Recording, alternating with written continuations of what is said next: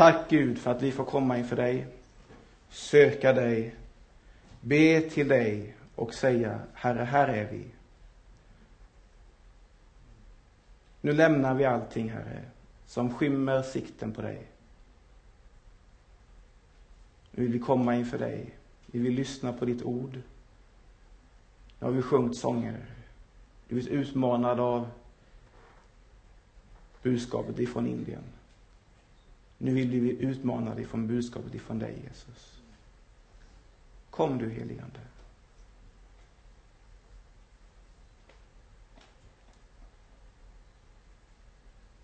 Amen.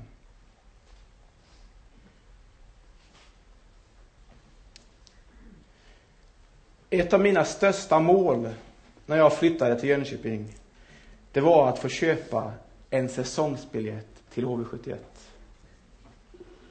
Jag har tänkt det att nu lämnar jag Närke och den tråkiga staden ishockeymässigt, Örebro, och flyttar till hockeyns huvudstad, Jönköping. Jag tänkte det, jag ska få köpa en säsongsbiljett. Jag har inte gjort det ännu. Jag köper in mig ibland på några matcher ifrån min svärfar. Och det är glädje. Men tänk om man skulle få en säsongsbiljett som räcker hela livet ut. Alltså en hedersmedlem, typ. Tänk om det kunde ske. Mika bok, kapitel 6 och vers 8. Texten kommer upp på väggen här. Människa, du har fått veta vad det goda är. Det enda Herren begär av dig, att du gör det rätta, lever i kärlek och troget håller dig till din Gud. Människa, du har fått veta vad det goda är. Det enda Herren begär av dig, att du gör det rätta, lever i kärlek och troget håller dig till din Gud. I dagens gudstjänst kommer vi ha temat utifrån Mika. Och gudstjänsten den 9 maj kommer vi också ha temat och predikan utifrån Mika 6 och vers 8.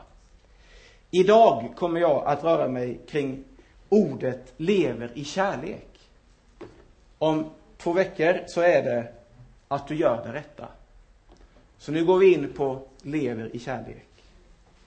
Mika bok är inte den mest lästa boken i Bibeln. Jag hade inte mycket koll på den innan. Eh, jag har läst den innan, men jag fick sätta mig in i strukturen, vem som är författare, vem Mika var, vad han hade för uppdrag, hans struktur, ja, allt sånt här. Det är en profet i slutet av 700-talet. Han skulle tala till folket, samarierna och till, i, till folket i Jerusalem. Han vädjade till folket om att de fattiga skulle behandlas rättvist, på ett rätt sätt. Man kan säga att han var de fattigas profet. Det här är alltså Mikas uppdrag. Det var han hade fått av Gud. Och om vi nu läser texten här så förstår vi hans uppdrag. Människa, du har fått veta vad det goda är. Det enda Herren begär av dig att du gör det rätta, lever i kärlek och troget håller dig till din Gud. Då kommer texten i ett annat skimmer. Mika hade det uppdraget. Tala förstånd till folket. Tänk på de fattiga. Agera så att de fattiga får del av livet, maten, gemenskapen. Det var uppdraget. Det var Mikas primära uppdrag. Vårt kapitel, kapitel 6, det är 16 verser. 16 verser som rör hur Herren egentligen har rätt rättegång mot sitt folk. Han talar till dem, hör vad Herren säger. I vers 3, mitt folk, vad ont har jag gjort dig? Mina bördor har jag tyngt dig med. Lägg fram din anklagelse. Jag förde dig ut ur Egypten och befriade dig ur slavlägret. Jag sände Mose, Aron och Miriam för att leda dig. Kom ihåg mitt folk. Alltså, Gud går här tillbaka till folket och visar, jag har gjort detta. Jag har tagit er ur fattigdomen, ur fångenskapen i Egypten till ditt, ditt folk, ditt, ditt, ditt land, till Israel. Och ändå vänder du dig bort ifrån Gud. Trots mina löften som har gått i uppfyllelse, trots mina steg där jag har fört dig med hjälp av ledare, gemenskaper, så väljer du att vika bort ifrån Gud. Att inte ta ansvar för de fattiga. Att inte skapa rätt. Att inte leva i kärlek. Trots att jag fört dig ut, så vänder du dig bort. Detta var Mikas uppdrag. Det var in i denna situation Mika talade.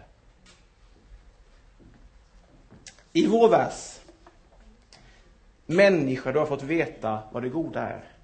Det är ett påstående från Gud. Det går tillbaka hela vägen till femte Mosebok. Han bygger sitt påstående ifrån femte Mosebok. Detta är det goda. Lev så här. Gör så här. Ändå väljer man att inte följa det. Så då kommer kravet ifrån Gud. Det enda jag begär av dig, att du gör det rätta, lever i kärlek och troget håller dig till din Gud. De vet vad det goda är, de gör inte det. Men det enda jag begär av dig, det är att du troget lever i kärlek och håller mina bud.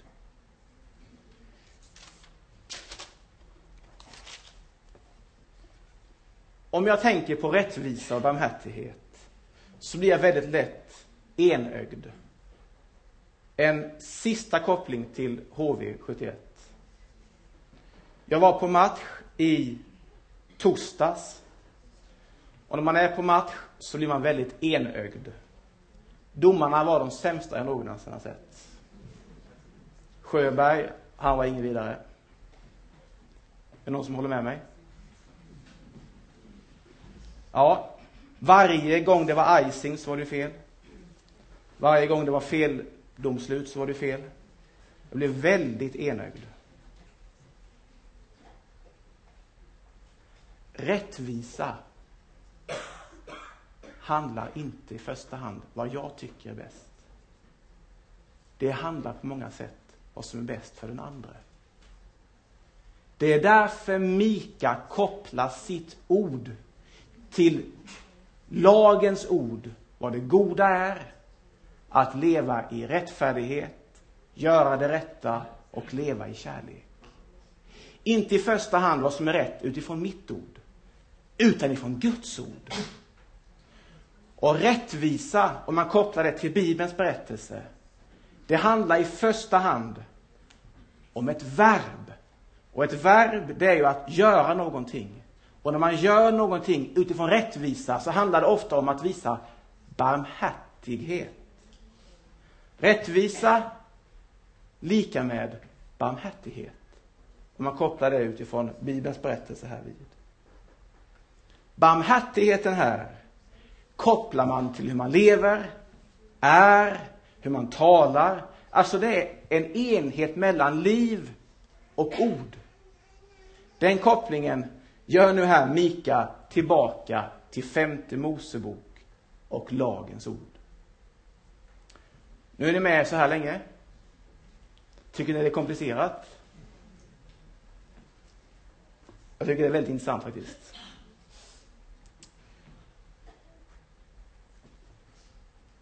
En av de stora ledarna, kungarna i Bibeln, den som har lyfts fram den som lyfts fram som den stora ledaren som inte gjorde så mycket misstag, det var kung David. Kung David skulle vara den som förde folket ifrån desorienteringen. Han var den som förde folket in i en rättfärdighet, visade på rätt sätt. Ja, alltså det, det var en, en ledare som verkligen behövdes i den situationen. Han var en ledare som kanske inte i första hand alltid såg till sitt eget, utan såg med barmhärtighet mot den andra. Inte i första hand, vad kan jag tjäna på det här? Utan, hur funkar det här för andra? Man kan ju tänka som så här, Varför ska vi som församling gå in och stödja ett projekt i Indien? Tio timmars flygtid iväg. Vad tjänar det oss? Vi behöver ju våra pengar. Vi har ju skulder att betala. Vi har löner att betala. Vi har kostnader för fastigheten att betala. Om man tänker så, då är vi fel ute. Men barmhärtigheten, det är kopplad till att om man gör någonting som är grundat i Bibelns ord, i lagens ord, då söker man sig inte bara sitt eget bästa, utan man tänker på hur den bästa lösningen ska bli för den nästa. Jag blev drabbad här när jag hörde att 11 miljoner eller 30 miljoner barn i Indien jobbar. Och i den här situationen så finns det här barnhemmet och jobbar. För att de ska få en värdig uppfostran, en värdig tid att vara barn. Där jobbar de. Då tänker jag inte i första hand, hur kan jag själv bli upphöjd? Utan då måste jag ju tänka, hur kan jag på något sätt hjälpa dessa människor, dessa barn? Och det ska vara kopplat då, enligt Mika, enligt David, till hur jag själv agerar utifrån Bibelns ord.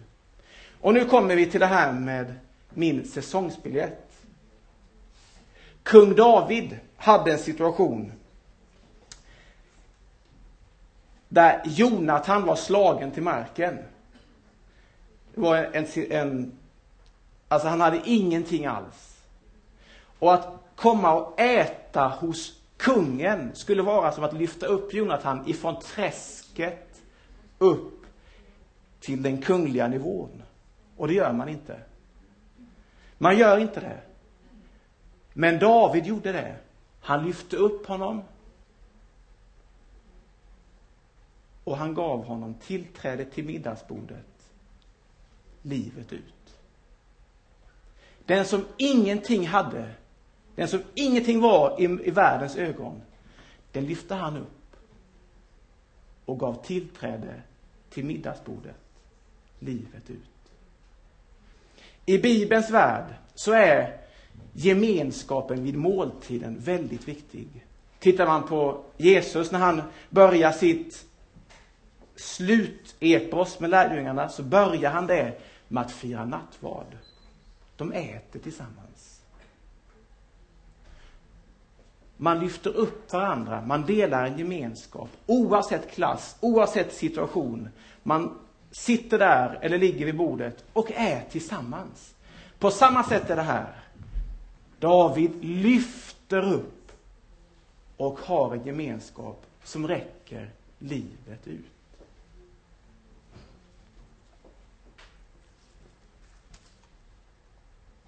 Så tänker jag. Bordsgemenskapen leder till en samvaro, till en likhet. Kopplingen till detta, det är min önskan om en säsongsbiljett. Vägen till livet, Jesus Kristus, det är en evig säsongsbiljett med Jesus Kristus. Där jag varje dag blir utmanad av orden ifrån Mika, ifrån David, ifrån femte Mosebok som är människa, du har fått veta vad det goda är. Det enda jag begär av dig är att du gör det rätta, lever i kärlek och troget håller dig till din Gud. I Jesaja så kommer den riktiga utmaningen. Jesaja 58, 7-9. Dela ditt bröd med den hungrige Ge hemlösa husrum. Ser du en naken, så klä honom. Vänd inte dina egna ryggen. Då bryter gryningsljuset fram för dig och dina sår skall genast läkas. Din rättfärdighet skall gå framför dig och Herrens härlighet gå sist i ditt tåg. Då ska Herren svara när du kallar. När du ropar säger han, här är jag. Dela ditt bröd med den hungrige. Ge hemlösa stackare husrum. Vänd inte dina egna ryggen. Då bryter gryningsljuset fram för dig och dina sår ska läkas. Din rättfärdighet ska gå framför dig och Herrens härlighet går sist i ditt tåg. Då ska Herren svara när du kallar. När du ropar säger han, här är jag. Det är den eviga säsongsbiljetten att jag blir utmanad av detta. Säsongsbiljetten med Jesus Kristus, det är evigheten där jag hela tiden blir utmanad att inte bara tänka själviskt utan att tänka i verb, barmhärtighet för den jag möter. Det är kopplat i Mika ord, i lagens ord och i Jesu ord. Allt vad du gör för en annan, det gör du för mig, säger Jesus.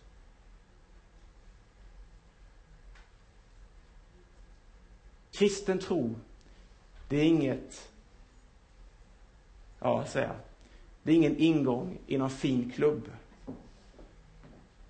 Nej, kristen tro, det är ett liv där jag utmanas att tänka på den som ingenting har. Att tänka på den som ingenting är. Att se den som ingenting är i världens ögon. Kristen tro, det är att jag utmanas att precis som David lyfta upp, dela gemenskap med den som ingenting är i evighet. Det är starka utmaningar. Jag tänker själv sådär, idag när vi var hemma. Kanske vi ska bjuda med någon hem på lunch. Ja, men det är jobbigt. Ja, köttet är ju inte tinat ännu. Känner ni igen det? Eller är det bara jag som tänker, tänker så? Man har höga ambitioner, men det blir inte så mycket av de här ambitionerna. Jesu ord är tydlig här. Lagens ord är nästan ännu tydligare. Det är en utmaning till dig och mig att inte bara tänka själviskt utan barmhärtigt. Vi tog in fyra nya medlemmar här idag. Sex stycken, två stycken skuggpersoner här som kommer. Det är en ypperlig utmaning för oss idag att tänka verb barmhärtigt. Att på ett praktiskt sätt bjuda med dem in i gemenskapen så att de känner sig hemma i Andreaförsamlingen och fjällstugan. Det är utmaningen.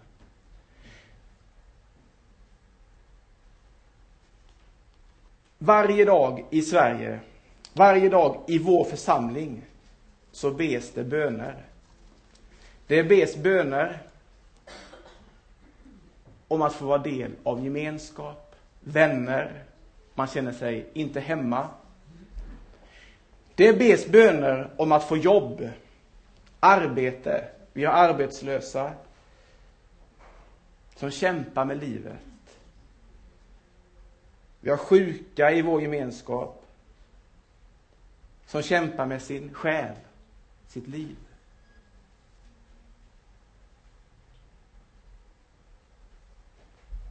Vi i den här stunden kan bli utmanade i vår själviskhet och tänka verb.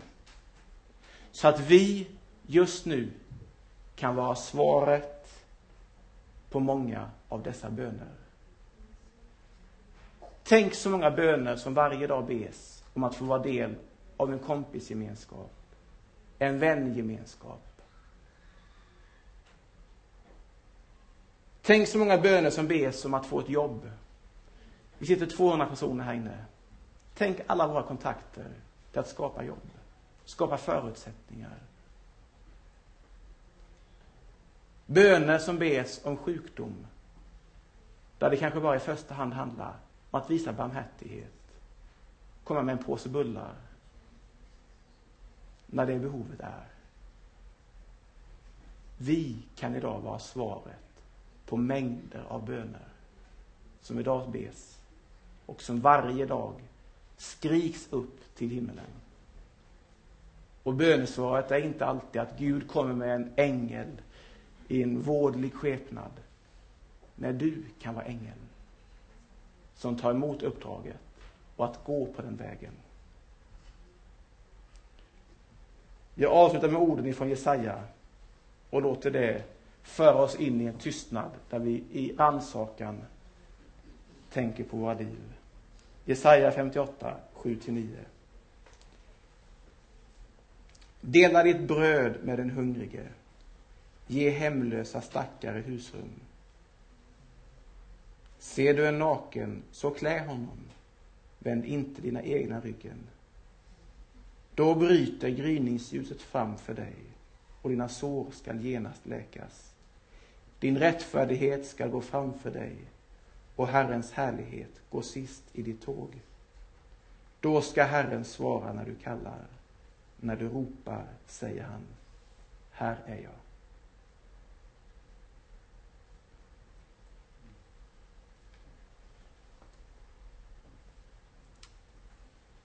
Vi är inför Gud en stund.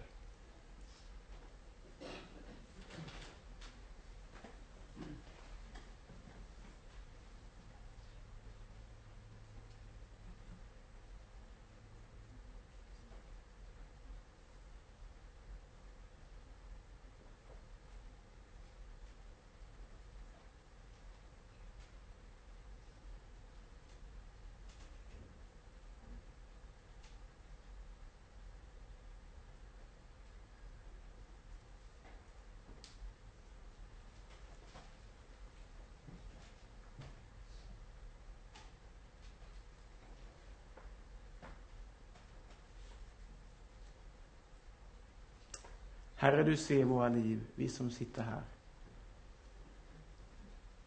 Du ser vad vi tänker på, du ser vad vi drabbas av. Du ser vilka känslor vi får när vi nu möter dessa ord. Herre, du ser att vi kan drabbas av dåligt samvete.